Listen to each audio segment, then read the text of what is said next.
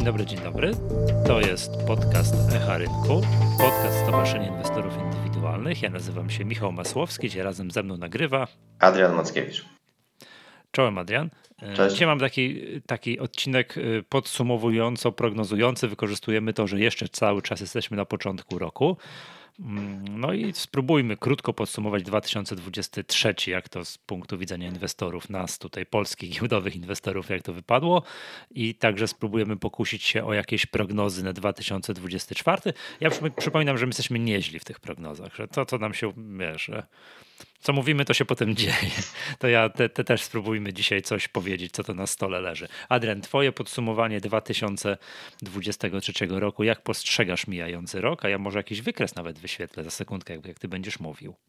E, no, zacząłbym chyba od tego, że nie zrealizowały się czarne scenariusze. E, no ten, ta kwestia twardego lądowania, jakiegoś większego kryzysu, właściwie gdzieś tam od pandemii się ten temat ciągnie, ale jeszcze właściwie nie mieliśmy e, z tym do czynienia i obyśmy nie mieli.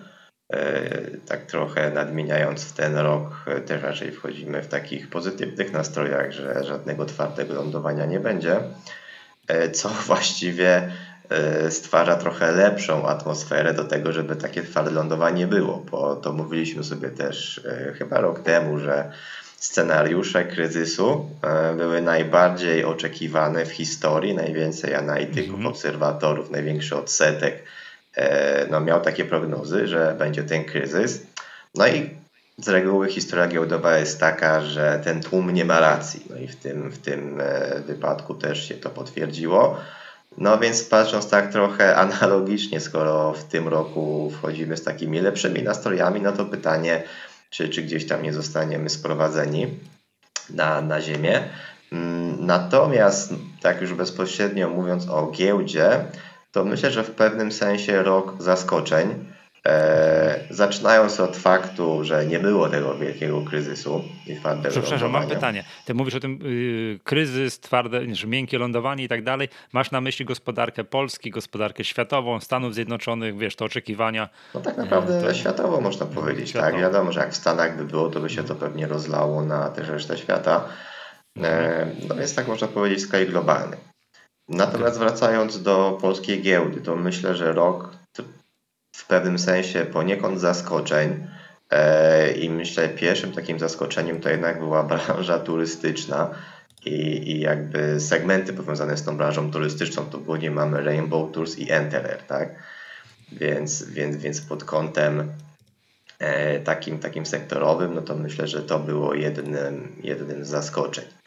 E, no bo wchodziliśmy w kryzys, konsument był coraz słabszy, no natomiast jak się okazało... Miał na wakacje nie jeździć. Dokładnie, na wakacje trzeba, trzeba polecieć i, i faktycznie tak, tutaj tu Kryzys kryzysem, a odpocząć trzeba, no oczywiście. Dokładnie, więc, więc tutaj e, mocne bardzo zachowanie i myślę poniekąd, e, no, myślę, że dla wielu obserwatorów zaskoczenie, jak, jak dobrze sobie te wycieczki radziły. E, właściwie może najlepiej byłoby zacząć od początku, jak ogólnie mocna była polska giełda w tym e, ubiegłym roku z WIG-iem 20 na czele, ale do tego jeszcze się odniosę, jak będziemy mówić o prognozach na 24. E, wracając do takiego podsumowania mm, ubiegłego roku, powiedziałbym, że bardzo zaskoczył mnie WIG budownictwo, ogólnie segment budowlany. E, natomiast y, WIG budownictwo jako bez nieruchomości, bo mamy dwa oddzielne indeksy. WIG budownictwo, czyli taka budowlanka, no i WIG mhm. nieruchomości, czyli deweloperzy. No deweloperzy byli nieco mniejszą niespodzianką, no bo oczywiście kredyt 2%, 2%. Tak. Więc, więc tutaj to zachowanie mogło być lepsze. Natomiast ogólnie w WIG budownictwo nastroje były niezbyt optymistyczne, właściwie na, na ten. Mhm. Ja trzeba tu od razu jeszcze raz e, zachęcam, zachęcić osoby słuchające nas w podcaście audio do sprawdzenia naszego YouTube'a, bo tak jak tutaj Adrian, ty mówisz o WIG-u budownictwo, ja wyświetliłem wykres i przy okazji no, wyświetlam sobie składniki, tak, mhm. komponenty tego indeksu, no i to faktycznie widzę takie nazwy jak Budimex, który z gwiazdą tak ostatniego, ostatniego roku i no i całą masę innych spółek faktycznie, czy, czy to jest budownictwo, ale nie deweloperzy tacy mieszkaniowi, tak? To czy jest... Mieszkaniowi też sobie oczywiście dobrze radzili, a oni nie są w tym indeksie. Tak, to jest, I, to jest inny indeks, to jest WIG nieruchomości. Tak, no i o ile te nieruchomości nie są aż takim wielkim zaskoczeniem, a raczej ze względu na, na właśnie kredyt 2%, który jakby no, spowodował mhm. odbicie na rynku kredytów hipotecznych i mocny wzrost cen mieszkań, no to właśnie w budownictwie te nastroje nie były zbyt dobre. No natomiast okazało się, że spółki bardzo mocno odrobiły marże, od, marże im odbiły. Więc y, była poniekąd niska baza, bo 22 rok już był słaby, 23 udało się te marże e, odrobić, więc baza była niska, faktycznie te spółki poprawiły wyniki dość, dość mocno. E, no i to moim zdaniem spora niespodzianka. Natomiast jeszcze taka gwiazdka, jak tutaj za chwilę może jeszcze będziemy trochę mówić o tych indeksach sektorowych, no to trzeba na nie patrzeć z przymurzeniem oka, bo często jest tak, że jedna albo dwie spółki decydują o, o wyglądzie tego indeksu. No i tu właściwie w budownictwie, pomimo że jest tu wiele spółek, no to Budimex ma bardzo mhm. dominującą pozycję, a radził sobie fenomenalnie. Mhm. Tak, ale co to często tak jest? To, yy widziałem takie porównanie, że ok, że jak wypadł rok 2023 na tych takich nazwijmy bardzo podstawowych indeksach, WIG20, MWIG, SWIG, no tam wszystko po 30%, tak, w dużym, dużym uproszczeniu, tak, nawet, nawet WIG20 tutaj przez nas taki nielubiany, prawda, eee, to aż też... A akurat no to... nielubiany mówiliśmy, że może się zmienić. no tak, tak. Ale też fajnie, a po 15 października, no to już w ogóle był wystrzał, eksplozja, euforia optymizmu na WIG-u 20. No początek roku mamy, mamy taki sobie, no ale co do zasady cały 2023 był fajny. Z kolei, no i to jeszcze też pozostałe indeksy tak samo bardzo fajnie, ale jak spojrzymy, przecież Stuk ma taki indeks, taki Stuk Poland All Stock Price Index. To jest... To jest indeks, który tam zawiera chyba, nie wiem, no te, te 700 czy 800 spółek notowanych wszystkich na, na, na, na rynku, no to on tam chyba się zmienił, wzrósł o 1% w 2023. Znaczy jest tak? chyba jeszcze odmiana tylko dla GPW, bez, bez New Connect, tak mi się wydaje. Tak, jest, jest, jest, jest taki indeks. On ma z kolei ticker PLWS i to jest Stuk Poland WSE All Price Index i to jest chyba tak bez New Connectu, no to on oczywiście lepiej się zachował, prawda? No ale tak jakby wszystkie, wszystkie spółki, no wiadomo, jak ktoś jest fanem New Connectu, no to tam różne rzeczy mogły, więc to, więc to też nie jest tak, że jakby nie wiem, że co kto miał w indeksie, to mu wzrosło, w portfelu to mu wzrosło o 30%, no ale te duże spółki, te indeksowe, no to to się bardzo, bardzo ładnie, bardzo ładnie zachowały. Ja też powiem, że to jest dla mnie jakieś tam zaskoczenie, jak tu mówisz o tym takim miękkim lądowaniu, to ja też tak to identyfikuję to tak, że jakoś od początku wybuchu wojny na Ukrainie mam wrażenie, że świat zachodni trochę się uniezależnił od surowców e, z Rosji. To jest pierwsza rzecz, że też miała być jakaś wielka katastrofa, a jakaś ta wielka katastrofa nie nadeszła. To jest pierwszy, jest bardzo dobrze. I drugi fragment tej opowieści, chyba też jako cywilizowany fragment świata, tak, yy, udało nam się zapanować nad inflacją. Nie mówię o wszystkich krajach, tak, no ale powiedzmy, nie wiem, Polska też mieliśmy kilkanaście procent, mamy 6%, no i ciągle walczymy z tą inflacją. Stany Zjednoczone też mają, no też są na tej jakby no, krzywej schodzącej. Wiadomo, że do jakichś celów inflacyjnych, na przykład w Polsce typu 2,5%, no to jeszcze chwilę, i łatwiej było schodzić z kilkunastu do sześciu niż z sześciu do dwóch i pół. To jest, to jest w miarę oczywiste, ale no, te kilkanaście nie zamieniło nam się w 25-30. No to też jest dobrze, prawda? Nie wiem, ten, w ogóle w tym tygodniu z Markiem Rogalskim rozmawiałem i on mi pokazał, jak wygląda, wiesz, to się jaka jest sytuacja w Turcji, którzy tam mają już kilkadziesiąt procent inflacji i jak wygląda lira turecka. Jak tam, pamiętasz, er-, Erdogan walczył z inflacją, obniżając stopy procentowe. No bardzo oryginalna koncepcja ekonomiczna. To my się ogarnęliśmy jako no, świat zachodni, powiedzmy sobie. No i to z tego moim zdaniem wynika, że jednak nie było jakiejś, wiesz, wielkiej katastrofy i nie wiem, nie przyszła zima, która spowodowała to, że my nie mamy w domu czym ogrzewać naszych domostw, tak? Że aż takiej katastrofy nie było, tylko tak chyba normalnie przeszliśmy, że daliśmy sobie, daliśmy sobie radę, plus to, co ty, Adrian, zawsze powtarzasz, na przykład tutaj do polskiego rynku się odwołam, że w Polsce mamy silnego konsumenta. W Polsce konsument jest silny, i co by nie było, na pizzę trzeba iść, na wakacje trzeba pojechać i ten, ta, ten wewnętrzny popyt tak? Ten, to jest coś, co zawsze nas trzymało bardzo, bardzo, bardzo mocno, prawda? Więc to, więc to fajnie oczywiście, prawda? Tak, i właściwie w 24 rok też wchodzimy z takimi oczekiwaniami, że konsument będzie silny. Cześć, cześć, no, bo, bo wydać pieniądze na mieście. Tak, bo, bo podwyżki, bo niższa mhm. inflacja, więc to wynagrodzenia realnie znowu powinny rosnąć. Mm, no i też jakby nawet z dzisiaj, dzisiaj albo wczoraj były dane z GUS-u o nastrojach konsumentów, mhm. zarówno bieżące, jak i e, bieżące, jak i wyprzedzający wskaźnik dalej, dalej wzrosły już kolejny miesiąc z rzędu rosną, więc ten konsument mhm. też czuje się coraz pewniej. Ale tutaj znowu z kolei, tak patrząc z drugą stronę, to co też już wcześniej mówiłeś, że skoro są takie optymistyczne oczekiwania, no to wcale to tak być nie musi. To może zawsze na odwrót. Tak jak wchodziliśmy w 2023, wydawało się, że jest jakaś katastrofa. Było całkiem przyzwoicie. No to w 2024 no, może być zupełnie inaczej. Aczkolwiek ja, ja jestem oczywiście optymistą. Mm, no, tylko nie może nas zaskoczyć A, kolejna pandemia, B, kolejna wojna, prawda? To jest, to jest tutaj jakaś taka, nie wiem, coś dużego, poważnego. Nie wiem, jakaś eskalacja wojny, yy, wojny na Ukrainie. No, powiem tak, taka już a propos przyszłości, przewidywań, to ja tak patrzę na to spokojnie, że okej, okay, gospodarka lubi spokój, będzie dobrze, ale nie możemy być zaskakiwani takimi bardzo negatywnymi rzeczami. Natomiast to, co mnie szalenie niepokoi, to jest to, że jak słyszę wypowiedzi polityków, no nie wiem, no zachodnich polityków, powiedzmy sobie, z kraju nie będącego krajem frontowym, takim jak Polska prawie, że jest krajem frontowym, że nie wiem, że społeczeństwa zachodnie są, zachodnie są zmęczone wojną na Ukrainie. No ola Boga, naprawdę? Tak, że się zmęczony jest. Także tutaj, a dobrze wiemy, co się stanie, jak pozwolilibyśmy Rosjanom zacząć wygrywać tę wojnę, tak? I albo nawet, nie wiem, zawrzeć pokój, ale niech te tereny, które mają, to zdobyli, to niech sobie mają. No to wiemy, to, to scenariusz, który jest taki na stole, o którym się dyskutuje, jest taki, że oni sobie powiedzmy sobie odsapną kilka lat, unorm, tak troszkę okrzepną, odbudują jakąś tam siłę militarną i znowu sobie krok dalej pójdą, bo stwierdzą, że no nie wiem, teraz Estonię chętnie by wyzwolili, bo przecież tam naród estoński się domaga wyzwolenia, prawda? Albo coś takiego. Więc, więc tutaj uważam, że powinna być polityka krajów zachodnich ani kroków wstecz mm, i jednak to trzeba zwiększyć pomoc dla Ukrainy, a nie tam, nie wiem, zmniejszyć, bo, bo coś tam. No i tu ja tu, tu postrzegam jako, jako, jako duże, poważne zagrożenie. Natomiast jakbyśmy nic takiego nie mieli, no to ja jestem, jestem optymistą. Tak? Zaraz możemy sobie powrócić, jak zawodowi analitycy, analitycy poziom WIG-u 20 na koniec 2024 roku, co tam się, co tam się stanie. Mm, no ale hmm, no, no zobaczymy. No, ja takie, takie jakby wiesz, zagrożenie. Co do zasady jestem optymistą, natomiast wskazuję takie zagrożenie. Nie możemy mieć jakiegoś takiego, wiesz, a wybuch wojny, a jakaś nowa pandemia, a coś tam, jakiś taki nowy czarny łabędź, który, którego się kompletnie nie spodziewamy. No bo co to jeszcze się może stać? Co to meteoryt może w nas uderzyć? Nie wiem, no co, jaka, jaki może być jakiś skrajnie negatywny scenariusz, który, który no, no, stanie na przeszkodzie takiemu oswajaniu się z taką, wiesz, no, codziennym, wiesz, business as usual. Jedziemy do przodu, rozwijamy tę światową gospodarkę.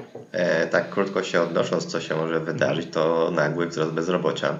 To bym widział jakieś zagrożenie, bo, tak. bo tego też nie mieliśmy na jednym z podcastów. Też takie tutaj stwierdzenie e, padło, że to właściwie jest jakieś tam istotne mhm. zagrożenie, jakby to bezrobocie zaczęło rosnąć byłby to taki mocny czynnik e, ostrzegający przed jakimś może twardym lądowaniem, no bo też jakby poniekąd siła tych gospodarek wynika w tym całym otoczeniu, wynika między innymi z tego, że rynek pracy dalej jest całkiem silny i tutaj nie widać jakiegoś osłabienia. Mhm.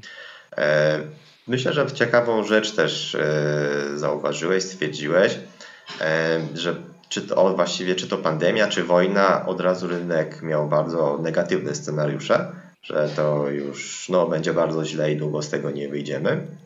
Z jakichś tam negatywnych konsekwencji gospodarczych tych, tych wydarzeń.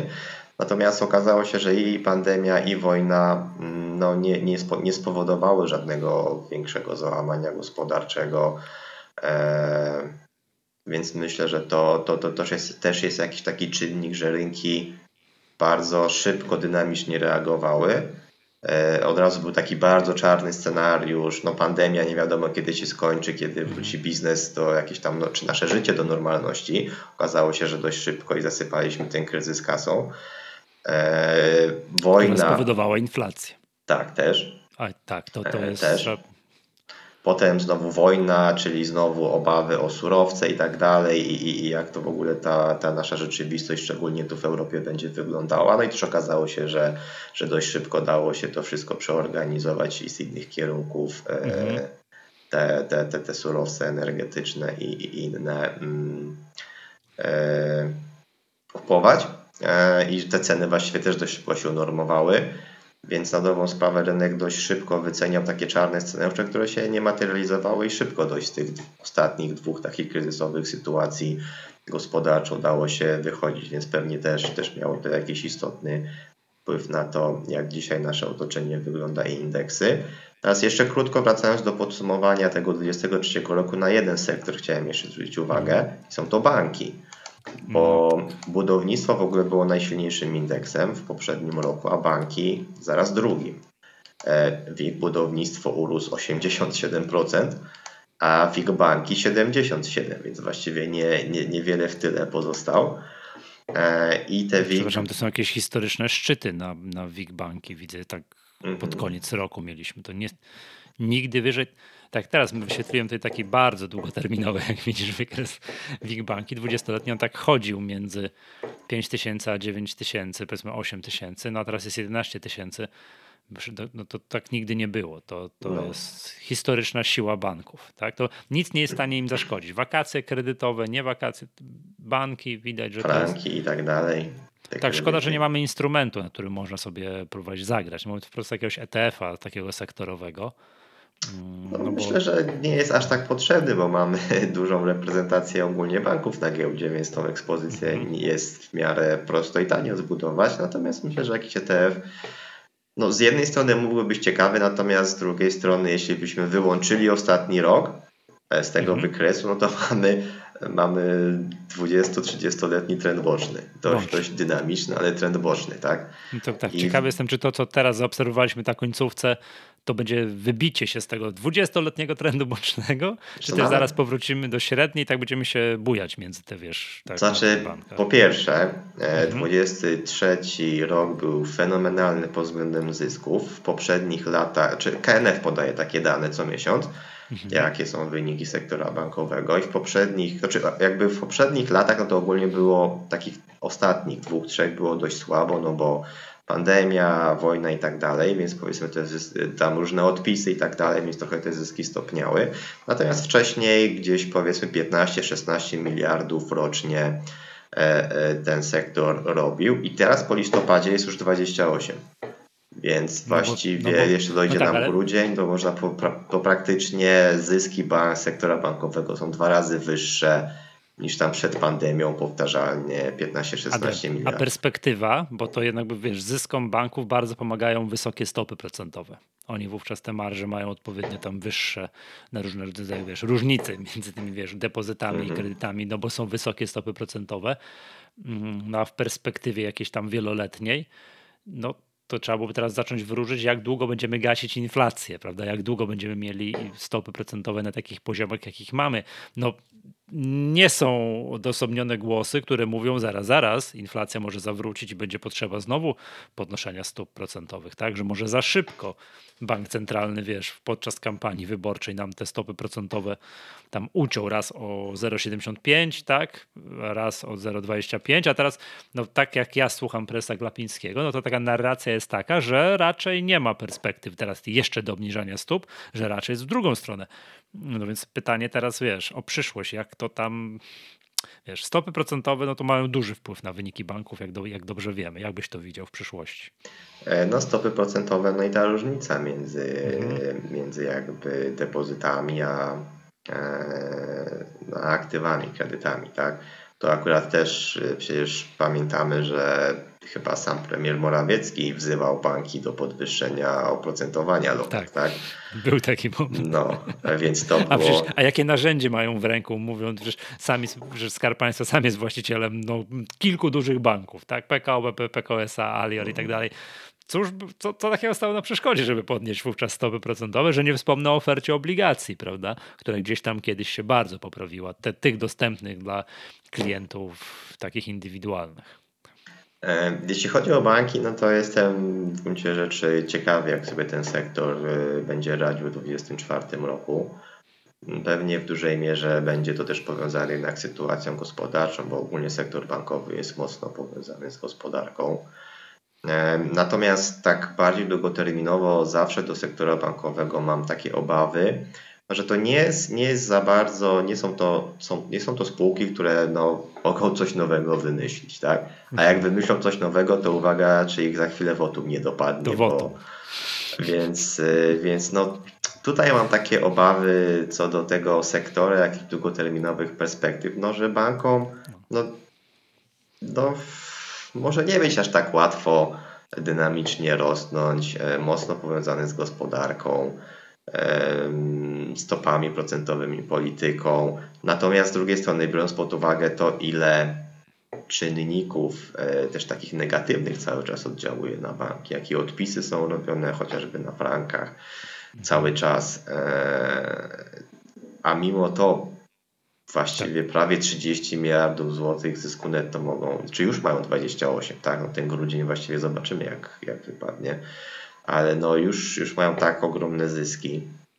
No tak to, to, to myślę, że to pokazuje ogólnie, że o ile mam pewne wątpliwości co do długoterminowych perspektyw, jak sektor bankowy ma potencjał, żeby daje zwiększać zyski, no to myślę, że szczególnie ten ostatni rok też pokazuje, jak silny, nawet nie tylko ostatni, ostatnie lata pokazują, jak silny mamy system bankowy w Polsce. Myślę, że poniekąd jak nowoczesna jest bankowość w Polsce.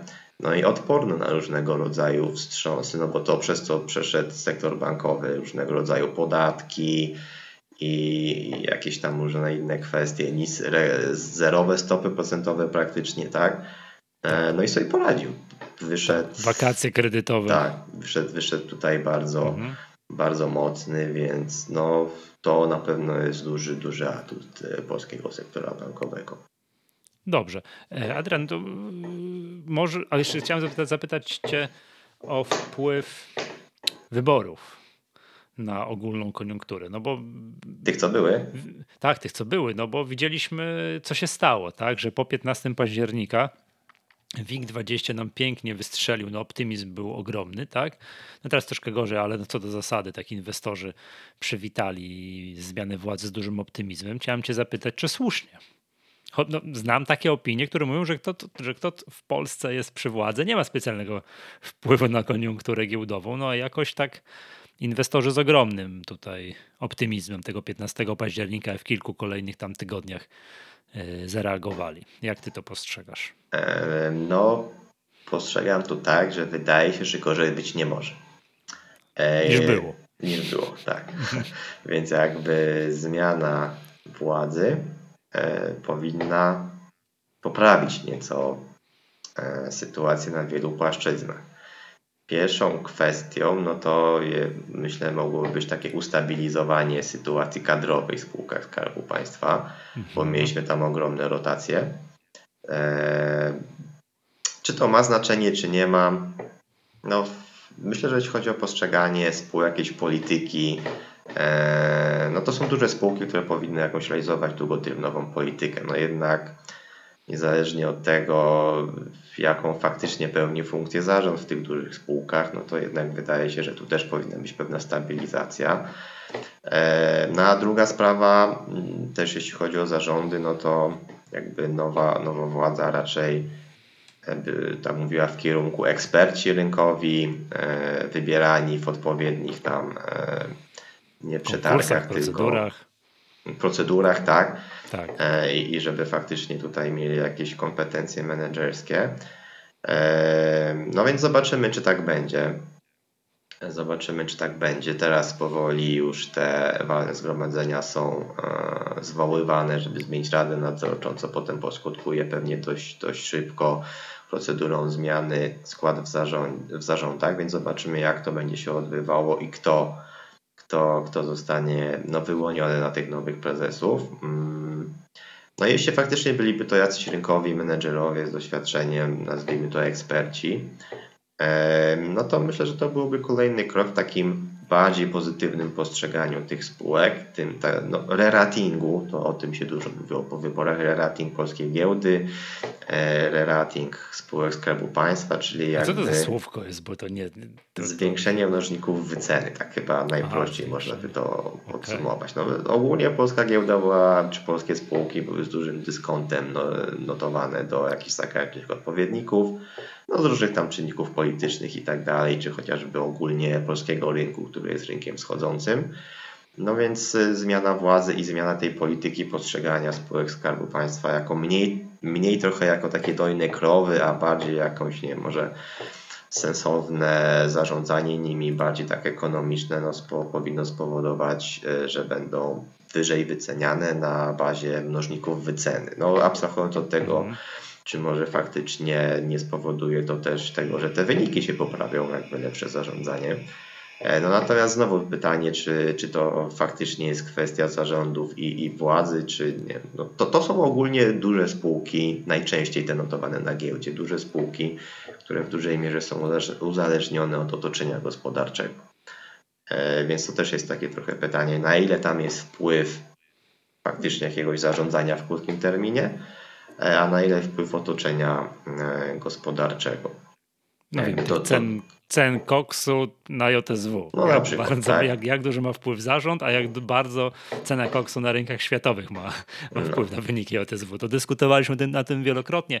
Oczywiście, Adrian, ja chciałbym to wzmocnić, co powiedziałeś. Jakby przychylam się w pełni, że tu jakby no, rynek kapitałowy przywitał no, z dużą nadzieją to, co się może wydarzyć też zobaczymy, co się będzie działo, bo teraz przypomnijmy, na przełom stycznia i lutego zostały pozwoływane te walne w tych dużych spółkach, typu tam Orlen, PGE, KGHM i tak dalej, tak? Wczoraj gruchnęła wieść o tym, że że 5 lutego do walnego, na walnym GPW, to będzie też zmiana zarządu GPW. Tak, to też, to, to też nas czeka. No i zobaczymy, ile jest z tych zapowiedzi o tym, że to mają być eksperci, fachowcy i tak dalej, ile zostanie z tego tak naprawdę wdrożone w życie, tak? To, to, to, jest, to, jest, to jest bardzo ważne. To jest pierwsza rzecz. Druga rzecz, ja zawsze powtarzałem takie zdanie, że mamy szansę jako rynek kapitałowy, że odzyskać na, na, tak, nie wiem, należne miejsce wówczas, jak do władzy dojdą ludzie, którzy sami są inwestorami giełdowymi. Że do tej pory ja zawsze jednym z głównych zarzutów wobec polityków był taki, taki że oni, tam część z nich w ogóle nie wiedziała, że w Polsce jakaś giełda jest. Tak? I tam są jakieś, i te spółki Skarbu Państwa są tam notowane i może warto o to dbać. Bo choćby po to, że to są pieniądze przecież polskich emerytów, bo PPK i tak dalej, prawda? A potem jak później jest tak, że te spółki są jakoś tam dołowane wskutek decyzji politycznych i się wszyscy dziwią, że do PPK się ludzie nie chcą zapisywać, prawda? W związku z tym to zaufanie do rynku jest nam potrzebne no jak tlen prawda? I to, to, że to jest nasze kapitałowe. Oczywiście patrzę z ogromną nadzieją na to, że jak nie wiem, jakaś spółka ma jakiś duży zysk, to on z tej spółki jest wypłacany metodą dużej dywidendy, a nie metodą podatku od JSW tak jak mieliśmy, to przerabialiśmy ten temat yy, na jesieni, że wszyscy pukali się w głowę. I, I co jeszcze? Że nie wspomnę o tym, że to też jest duże tutaj, trzeba patrzeć bardzo ostrożnie, bo gdzieś krąż, krążyło po mediach, po kuluarach sejmowych plotka o 15-miliardowym podatku od Orlenu, który ma wyrównywać z kolei no, jakąś tarczę, kolejną tarczę, jeżeli chodzi o zabezpieczenie cen energii. Tak? Co przypominam, cały czas mamy nieuwolnione ceny energii, to tak troszeczkę z dużą obawą patrzy na to, co się może, może dziać, no ale ktoś musi, jeżeli te ceny energii miały być dalej zamrożone, to ktoś, ktoś musi za to zapłacić. No i był pomysł był taki, że niech Orlen zapłaci, no ale to tak nie może być, tak? Albo wypłacamy dywidendę i wtedy wszyscy, również inwestorzy indywidualni partycypują w tej dywidendzie, albo, ale na pewno nie robimy tego jakimiś ekstra podatka, podatkami, no bo to jest katastrofa dla rynku kapitałowego. Tak, przypominam, że Orlen ma uchwaloną bardzo ambitną politykę dywidendową i też tutaj dyskutowaliśmy kiedyś, że fantastycznie, to brzmi po prostu niesamowicie ta polityka dywidendowa, to mówiliśmy, że Orlen jest spółką taką, że ona jest niesamowicie trudna do analizowania dla inwestorów indywidualnych, bo tam już jest tyle klocków naskładanych do wewnątrz tego Orlenu, że inwestor indywidualny jest bez szans. A po stopie dywidendy bardzo łatwo się spółkę wyceniam, tak? Te, te przepływy. Więc zobaczymy, ile z tej polityki dywidendowej teraz zostanie. Te walne Orlenu też tam jakoś na początku lutego jest zwołane. Więc to są super ważne rzeczy. Na razie mam wrażenie, że tymi takimi super wzrostami po 15 października rynek kapitałowy dał taki kredyt zaufania. Dobra, tak tyle ładnie zapowiadaliście, w porządku, to my wam jeszcze chwilę ufamy. Zobaczymy, co będzie po tych pierwszych wymianach, kto tam za sterów, u sterów władzy w tych spółkach zas zasiądzie, tak? No bo to no to, to, to jest tak naprawdę pytanie, wiesz, no, czy ten menedżer jest lepszy od drugiego, to ma tak, to zawsze jest dyskusyjne, prawda? A to takie zaufanie do rynku po to, żeby on zaczął być wyceniany na innych mnożnikach, żeby świat zachodni zobaczył, inwestorzy instytucjonalni, że tu można normalnie inwestować i są wyższe mnożniki, ta giełda zacznie być w końcu lepiej wyceniana, to jest super ważne. Tak? Jakbyśmy zaczęli jakąś aż się boję powiedzieć, wielką hossę pokoleniową, bo, bo, bo, bo, inwestorzy nabraliby zaufania do rynku, no jakież to byłoby fantastyczne, prawda? Od razu by, nie wiem, no, wyceny PPK by, można było w końcu PFR mógłby się zacząć chwalić, patrzcie ile zarobili przyszli emeryci, to wówczas też ci, którzy sceptycy PPK zaczęliby się drapać w głowę zaraz. Mój kolega przystąpił i tyle ma pieniędzy, ja nie przystąpiłem, to może źle zrobiłem, może też bym przystąpił i tak dalej, i tak dalej. Więc jest tu mnóstwo takich pozytywnych, fajnych, nazwijmy to sprzężeń zwrotnych, które mogą zadziałać i pomóc polskiemu rynkowi kapitałowemu, ale musi w tych skarb, spółkach Skarbu Państwa ten corporate governance zacząć być prawdziwym ładem korporacyjnym, a nie tylko zapisane w strategii rynku kapitałowego, która się zakończyła w zeszłym roku, gdzie było ten fragment podniesienie standardów ładu korporacyjnego w spółkach Skarbu Państwa, było napisane, że zrobione. Aha, no fajnie. Super. Zobaczymy, jak to teraz w praktyce, jak to teraz w praktyce będzie. I to jest moim zdaniem jeden z ważniejszych fragmentów, co się będzie działo na polskiej giełdzie. Czy będziemy mieli hossę, czy jakieś złamanie, bezse, załamanie, bezse zniechęcenie, to to jest takim naszym lokalnym czynnikiem. Wiadomo, będziemy musimy patrzeć, jak giełda w Stanach, bo w tym roku, przypominam, są wybory w Stanach i będzie, wszyscy będą patrzyli, czy Donald Trump będzie kandydatem republikanów i co to się wydarzy, jak on by przez przypadek został wybrany. To jest gigantyczny wpływ na światową gospodarkę, na, na, na światowe rynki. Ale nasz lokalny czynnik tutaj, o który sami możemy zadbać, to jest właśnie to. Zaufanie do rynku kapitałowego, ta wymiana władzy w spółkach Skarbu Państwa, o których nikt nie ma pretensji przecież, no bo to jest oczywiste, że spółki Skarbu Państwa no, są takim łupem politycznym zwycięskiego, zwycięskich ugrupowań. Oczywistym jest, że to się, to, to, się, to się dzieje, że to się wydarzy. Zobaczymy, jak to się potoczy. Jak to się potoczy. To jest super ważne, czy to, czy to zostanie, no będzie, czy jak zawsze, czy może jakaś jednak zmiana standardów w tym, w tym zakresie no, zaistnieje, zadzieje się. No dokładnie. Myślę, że tutaj płynnie możemy mhm. przejść do jakichś oczekiwań mhm. na 2024 tak, rok. Co byś był w stanie I... wskazać, miałbyś ochotę wskazać jako wiesz, typy na 2024? Też, ale zacznę od indeksów tak naprawdę. Dobra. Bo lubię sobie czasem taką prostą statystykę e, spojrzeć na prostą statystykę. No i ona niespecjalnie mi tutaj podpowiada, żeby miał być to dobry rok dla WIG-u 20. E, prosta statystyka jest taka, jak wyglądają roczne stopy zwrotu E, z indeksu. Właściwie nawet jak tu jesteś na stoku, to możesz wziąć, wejść w dane historyczne dla indeksu WIG20 e, i zmienić zakres interwał na roczny. I, I, nie wiem, no właśnie, pokaż. No. I, I to jak sobie zobaczymy na WIG20, no to jest czerwono. E, je, je, jest dość czerwono. I na dobrą sprawę rzadko mamy taką sytuację, gdzie mamy bardzo dobry rok, E, z wysoką stopą zwrotu, no i to jakby jest kontynuowane w kolejnym. 2017 rok był też takim dość ciekawym, gdzie polska giełda była jedną z najsilniejszych na świecie.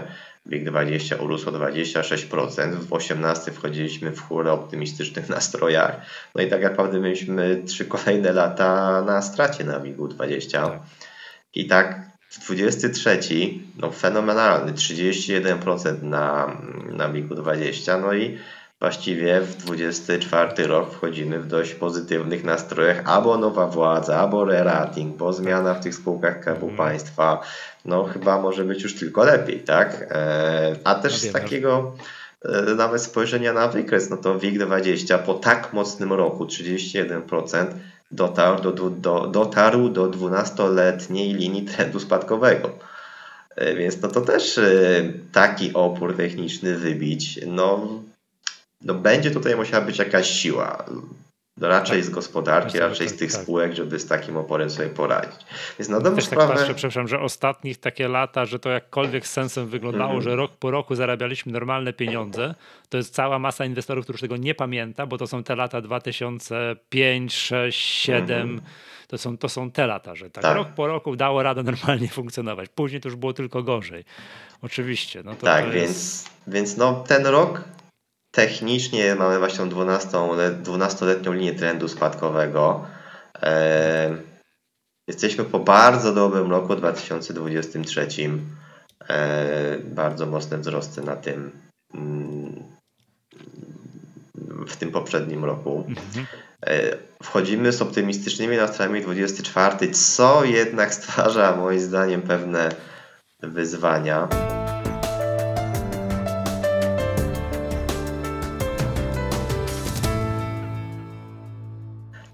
No, więc, więc ten 24 rok zobaczymy, jak on wyjdzie. Widzę, że tutaj włączyłeś też WIG20 Total Return, tak. który wygląda o niebo lepiej. Tak, e, WIG20, WIG20 TR, no to jest, to, to jest nieba a ziemia, no bo to WIG20, no tak jak powiedziałeś, tyle, ilu 12-letnia? Tak, 12-letnia. A tu właściwie e, trend boczny gdzieś tam wybijamy, ale w bólach. Tak, a WIG20 TR był na szczytach yy, historycznych, no bo ten z uwzględnieniem dywidend, no ale też jakbyśmy sobie porównali to nie tutaj z jakimiś indeksami zachodnimi, to to powiedzenie jesteśmy na historycznych szczytach albo blisko jest marnym pocieszeniem, tak, tak można by tutaj powiedzieć. No, no tak. dobra. E, nie znęcajmy się już nad WIGiem 20. O wiele lepiej wygląda SWIG 80. Właściwie jakbyś tak. mógł też e, przełączyć się na SWIG 80 na te roczne stopy zwrotu. Mhm. O, no i tutaj jest zielono, tak? Tutaj jest zielono. Co więcej, nieraz znaczy obserwuję... zielono chodzi o to, że fajne zielone lata były kontynuowane. Po, po pierwsze jest zielono. E, I znowu były. Było o wiele więcej spadkowych. Zielone, tak. tak, było o wiele więcej spadkowych lat na WIG-u 20. Więc tu po pierwsze jest zielono. Po drugie widzimy dość często, że te zielone kolory następują po sobie e, rok po roku, czasem nawet w dość wysokich wartościach, tak? E, ten indeks mocno rósł, potrafił rosnąć mocno 2-3 lata. E, I tak naprawdę to, co możemy zobaczyć, to praktycznie jak była korekta, to z reguły ona trwała jeden rok. Jedynie lata 2001-2002 mamy no, dwa spadkowe po sobie. E, I to tyle. Ale to już nikt tego nie pamięta. Tego nikt już nie pamięta dokładnie. Więc najczęściej korekta trwała tutaj rok. Ona była w 2022 roku, 23 rok na mhm. fajnym plusie. No i taka prosta statystyka, wydaje się, że dla małych spółek 24, patrząc na tą historię, prostą bardzo, to powinien być całkiem dobry, e, co najmniej na plusie. Więc, więc to, to, to już myślę, że na mniejsze spółki, nawet na bazie takiej prostej statystyki, już tutaj zdecydowanie bardziej optymistycznie patrzę. E, no z kolei MWIG 40 jest tak gdzieś po środku, tak? E, czy bliżej MWIG 40, bliżej jest SWIG 80, Natomiast no jakby skala tych wzrostów może jest troszeczkę e, mniejsza, ale, ale też o wiele lepiej się zachowuje. No i też te korekty często są jednoroczne i też widzimy, że tu dominuje zieleń. Więc mhm. myślę, że z perspektywy tych średnich i małych spółek zdecydowanie bardziej pozytywnie bym patrzył na 24 rok. No, co do WIG-u20 mam nieco większe wątpliwości. Są tam szanse, e, są ryzyka, Wydaje się, że jak ten rok zakończymy na plusie, wybijemy tę linię trendu spadkowego, e, no to może ta mm, hossa pokoleniowa może w końcu nastąpi, ale no tu będzie trzeba trochę siły pokazać.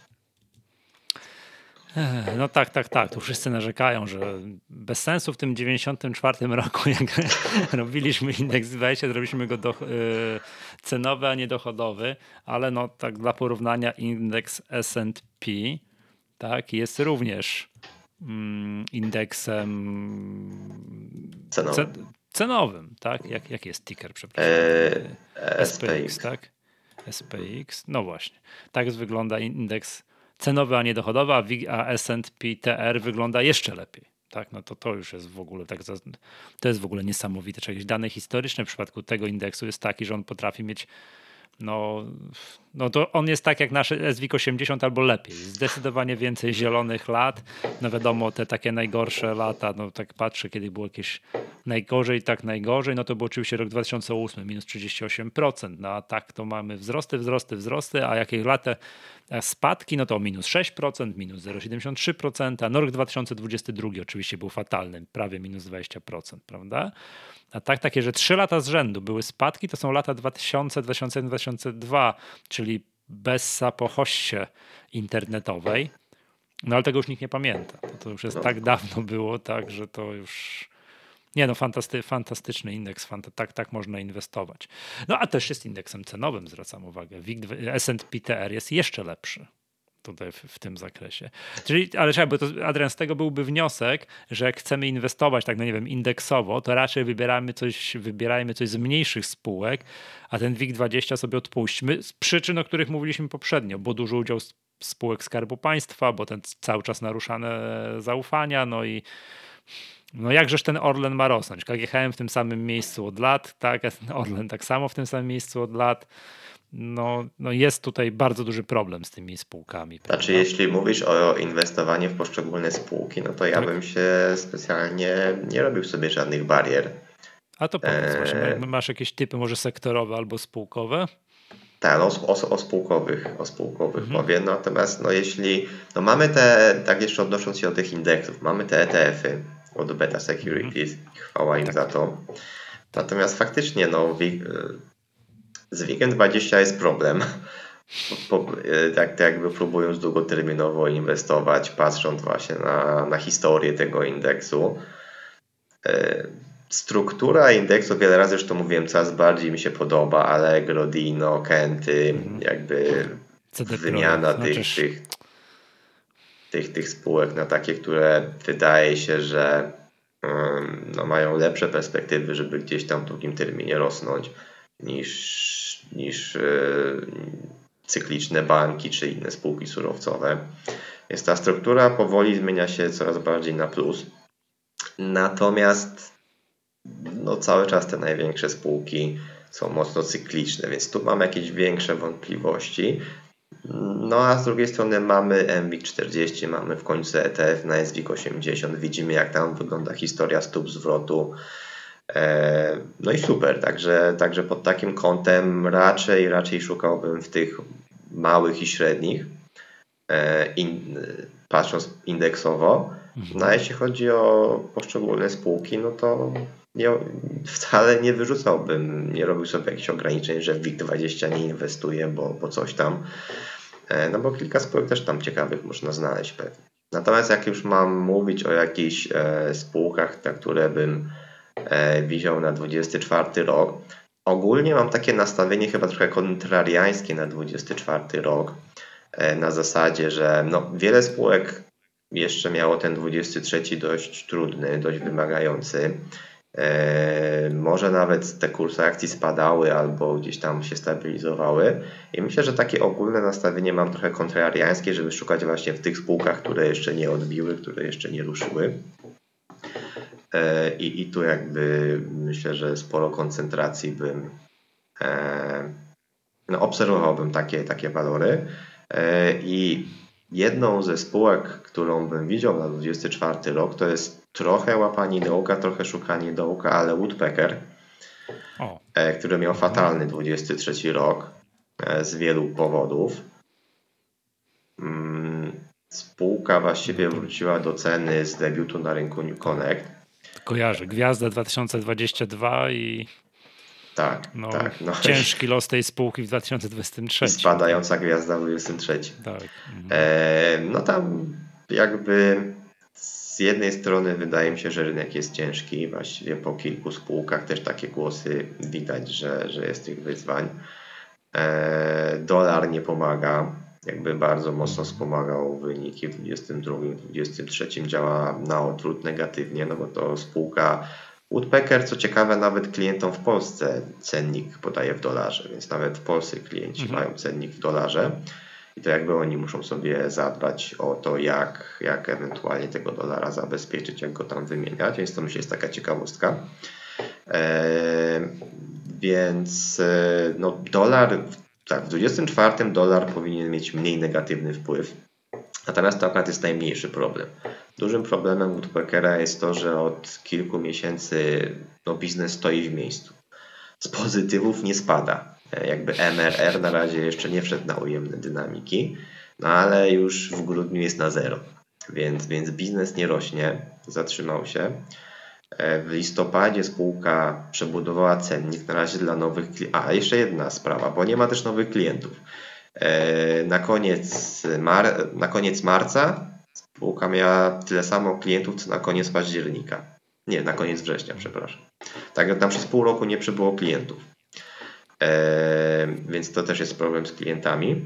Starzy jakby nie, czy ci obecni nie, nie zwiększyli wykorzystania planów spółki, co no, wydaje mi się w dużej mierze wynika z sytuacji rynkowej. No i przynajmniej to jest ten pozytywny scenariusz, że, że makro tutaj, tutaj nie pomaga, a nie, że są jakieś wewnętrzne problemy w spółce czy z jej produktem. No więc na 24 rok jest nowy cennik, który dla, na razie dla nowych klientów, ale spółka będzie go też e, migrować obecną bazę klientów, więc co do zasady wydaje się, że to powinno mieć pozytywny wpływ na biznes, pozytywny wpływ na MRR, czyli te powtarzalne miesięczne przychody. E, więc e, oczekiwania są takie, że ten biznes powinien znowu zacząć rosnąć w 2024 roku. Są nowe produkty, dość, dość ciekawe, bo, bo jeden produkt to je, dotyczy zautomatyzowanych e, materiałów wideo, czyli, czy, czyli jakby no, automat będzie tworzył różne materiały wideo e, promocyjne. E, no a drugi to jest produkt, który spółka rozwija, to jest pozyskiwanie nowych klientów przez, przez spółki. Jest dwa takie dość ciekawe produkty. E, no i tak naprawdę nie wydaje mi się, aby Woodpecker był na tyle duży, żeby ten podstawowy biznes już e, gdzieś tam dotykał sufitu, więc ten podstawowy biznes też powinien rosnąć. Liczę na to, że spółka poniekąd wstrzymała działania marketingowe nakierowane na pozyskiwanie nowych klientów, ponieważ pracowała nad nowym cennikiem, no więc chciała już, już wzmocnić te, te, te działania, no wychodząc do klienta z nową ofertą. E, tutaj też taka jakby myślę du, duża gwiazdka, to nie jest sposób podwyższenie cennika, nie wiem, cen o 10-20%, tylko jakby przebudowa, za co klient ma płacić, żeby to było bardziej dopasowane faktycznie do produktów, z których korzysta. Więc to jest przebudowa cennika, a nie podwyższenie cen. No więc wydaje się, że to powinno mieć w 24 pozytywny wpływ na biznes i, i, i taki jest tutaj e, scenariusz I, i dlatego bym na tą spółkę zwrócił uwagę, plus przejście ty na rynek takie, główny. Ty lubisz takie spółki. Ja wiem, że każdy inwestor ma z tym problem. Jak kupić spółkę na rynku wzrostowym, co to już tam urosła razy dwa czy razy trzy, a taka to to spadła i tutaj o, to grube kilkadziesiąt procent widzę, są spadki. Znaczy, no, dzisiaj, dzisiaj Woodpecker to jest zakład mhm. E, właściwie o to, wiem, czy, czy, czy produkt nie działa, produkt nie jest, nie jest e, odpowiedni dla klientów, tak? E, czy, czy coś tam są jakieś problemy z tym produktem, czy faktycznie wynika to bardziej z e, wymagającego otoczenia. A pamiętasz, e... jakie są teraz kryteria przechodzenia na rynek główny? 60-55 kapitalizacji? Okej, okay, tak. jest 70, 74 jest teraz po Nie, Woodpecker, no jeszcze, się łapie. To, jeszcze, to, to jeszcze jest A, okay. To jest też jakby istotna kwestia, no bo mhm. zważywszy na sytuację finansową spółki, E, co poniekąd odzwierciedla kurs akcji. E, tam wyniki oczywiście tam są spadkowe. Pytanie, czy spółka w czwartym kwartale nawet nie zakończy na stracie netto e, w samym czwartym kwartale, no to tam zobaczymy. Są, są negatywne, są pozytywne czynniki, ale może zahaczyć nawet od stratę.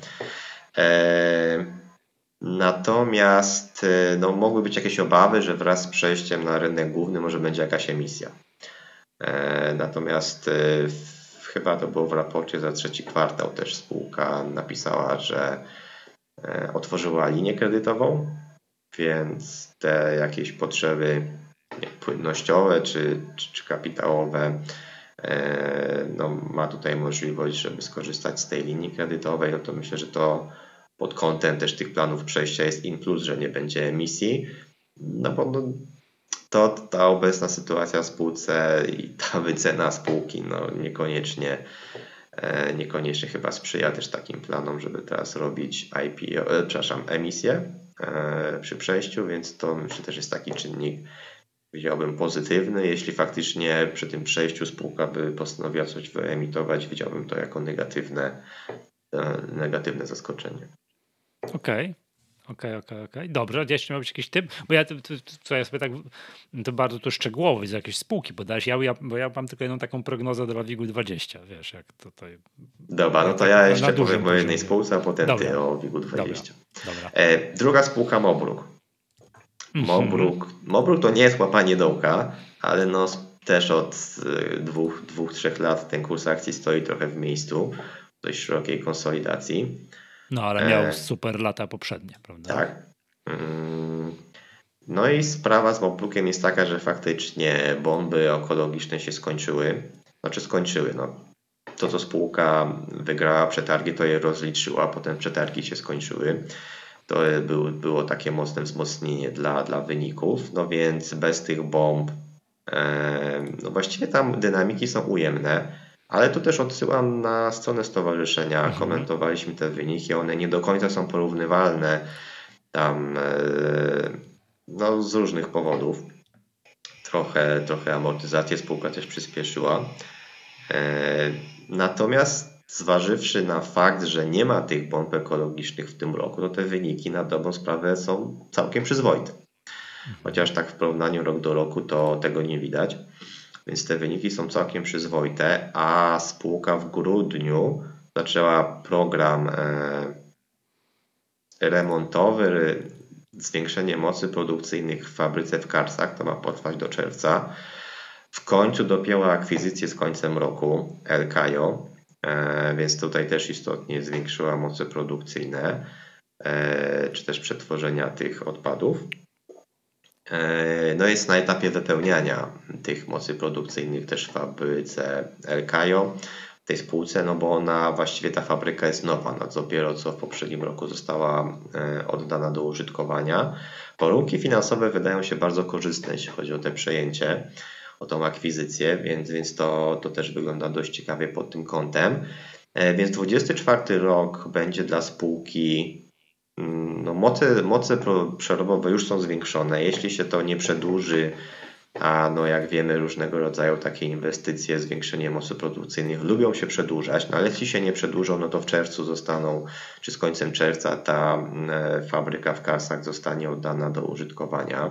Spółka też prowadzi inwestycje w OZE, żeby uniezależnić się od cen energii. Właściwie też to się ma skończyć w czerwcu tego roku, więc właściwie będzie energię produkowała na własne potrzeby jakby w całości, czy w zdecydowanej większości, ponad 90%, więc koszty energii powinny tutaj też istotnie e, wspomagać tą stronę wynikową, marżowości. No więc to do zasady w 2024 roku spółka może na zupełnie wyższą półkę przeskoczyć, zarówno jeśli chodzi o moce produkcyjne, jak i wyniki. E, co przy obecnej wycenie wydaje się, rynek może tutaj to pozytywnie odebrać. Oczywiście, jeśli wszystko się uda, pójdzie zgodnie z planem. No a kolejna kwestia jest taka, że rynek bomb ekologicznych chyba powoli się odblokowuje. E, no i tu spółka wygrała innymi przetarg w Częstochowie na, na, na rozbrojenie dość takiej dużej bomby ekologicznej. E, więc wydaje się, że w przyszłym roku też już powoli powinno być to widoczne Natomiast raczej w drugiej połowie roku, no bo, no bo jakby termin chyba tam jest do 25 roku na tą bombę. Na spółka też, też chce to robić w Karsach, na tam na razie trwa remont. E, więc no, druga połowa roku bardzo, bardzo ciekawie prezentuje się przed Mobrukiem i tak naprawdę cały 25 rok.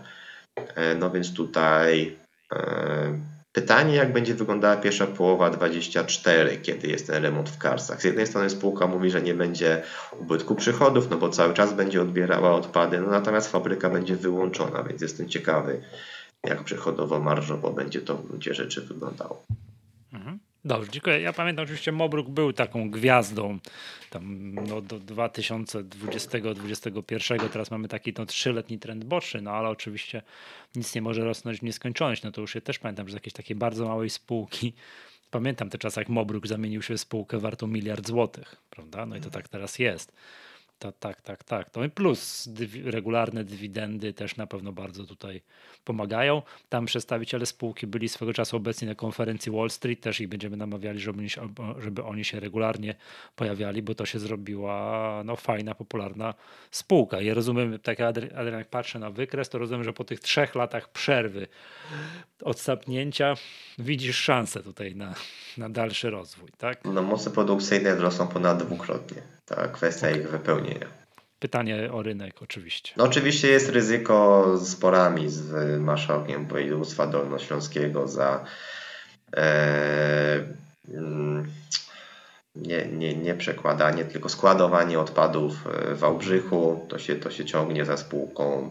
Pod koniec roku była kara 19 milionów. No, jakoś w tym tygodniu spółka, czy od, spółka się odwołała, e, zostało to wstrzymane, więc no, to cały czas jest na etapie sporów sądowych i pewnie jeszcze potrwa kilka lat.